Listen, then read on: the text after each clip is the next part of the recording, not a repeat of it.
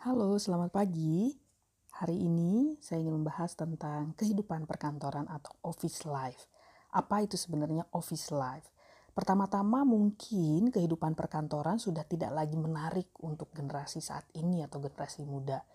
Mungkin banyak generasi muda juga yang berpikir bahwa membangun karir di kantor itu sekarang kurang inspirational karena terlalu boxy, banyak aturan, terlalu terkotak-kotakan, kemudian kurang fleksibel, banyak hierarki, terlihat kurang seksi, dan mungkin juga kurang bonafit. Tetapi sebenarnya kalau kita tahu kehidupan office atau office life yang sebenarnya mungkin generasi muda yang sekarang pun masih tertarik untuk membangun karir di dalam perkantoran atau big corporation. Mari kita bahas satu persatu. Apa sebenarnya office life itu? Bagaimana kehidupan perkantoran? Kehidupan perkantoran kalau kita lihat dari luar mungkin kita berpikir sangat banyak aturan. Bicara tentang meeting, berbicara tentang workshop, kemudian berbicara tentang bagaimana value disusun, ada missionnya, ada banyak target. Sebagian besar memang betul, tetapi juga kalau kita melihat kehidupan office, kita bisa di, kita bisa juga melihatnya dari sudut pandang orang yang bekerja di dalam office tersebut atau di dalam kantor tersebut. Untuk orang-orang yang baru join, fresh joiner, kehidupan office berbeda dengan mungkin orang-orang yang sudah cukup lama di dalam kantor tersebut. Di dalam kantor, untuk orang-orang yang baru join mungkin terasa sangat glamor.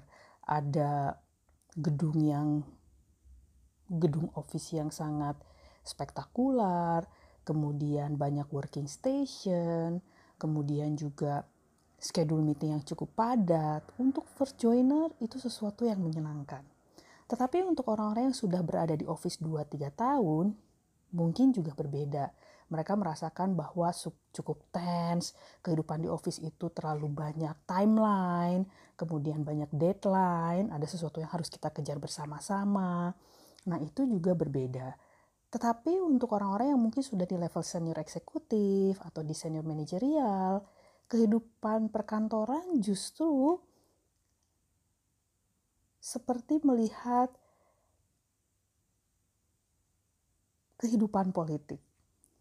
Karena lebih banyak bicara tentang seseorang yang melakukan establishment, kemudian mendirect uh, company agenda, kemudian juga uh, power in the office. Cukup berbeda dengan orang yang baru first joiner ataupun yang baru uh, beberapa tahun saja di kantor.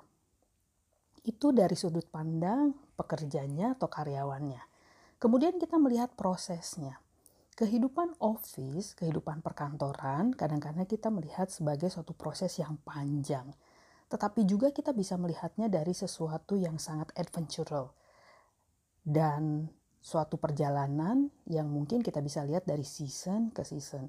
Karena di kantor, kadang-kadang kita juga bisa melihat ada satu kantor yang sangat achievement oriented, segala sesuatunya tentang pencapaian, segala sesuatunya bicara tentang I'm better than others, kemudian bicara tentang bonus, kemudian bicara tentang promotion, dan benar-benar sangat striving.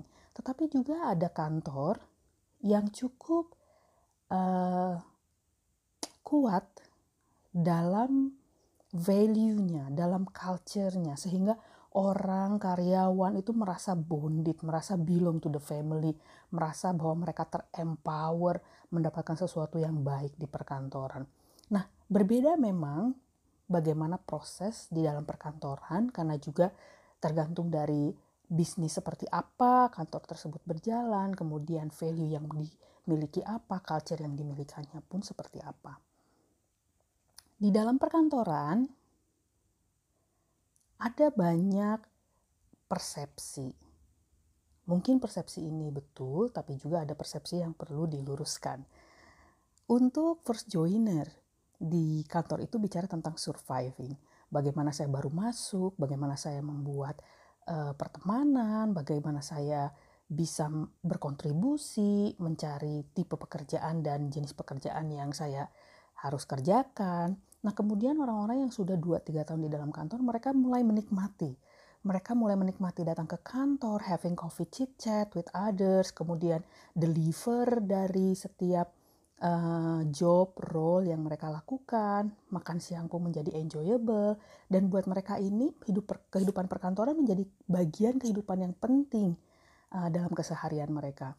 Nah, untuk yang sangat striving, yang sangat uh, achievement oriented, kehidupan perkantoran itu kita bisa lihat seperti action movie. Like everything about strategic making, kemudian bagaimana kita improve, kemudian kita melihat dashboard, KPI. Jadi kehidupan perkantoran pun bisa dilihat berbeda-beda. Nah, di episode nanti mendatang saya akan bahas satu demi satu, topik demi topik, dan juga if you have any input, uh, let me know supaya kita juga nanti bisa bahas bersama-sama. I wish sharing, learning yang saya bagikan hari ini bisa membantu teman-teman semua bukan hanya untuk survive di dalam perkantoran tetapi juga you will enjoy kehidupan perkantoran dan mungkin learningnya bisa membantu teman-teman semua untuk making improvement in your office career dan juga having a good time di dalam kehidupan perkantoran. Itu saja dari saya, so see you next episode. Bye.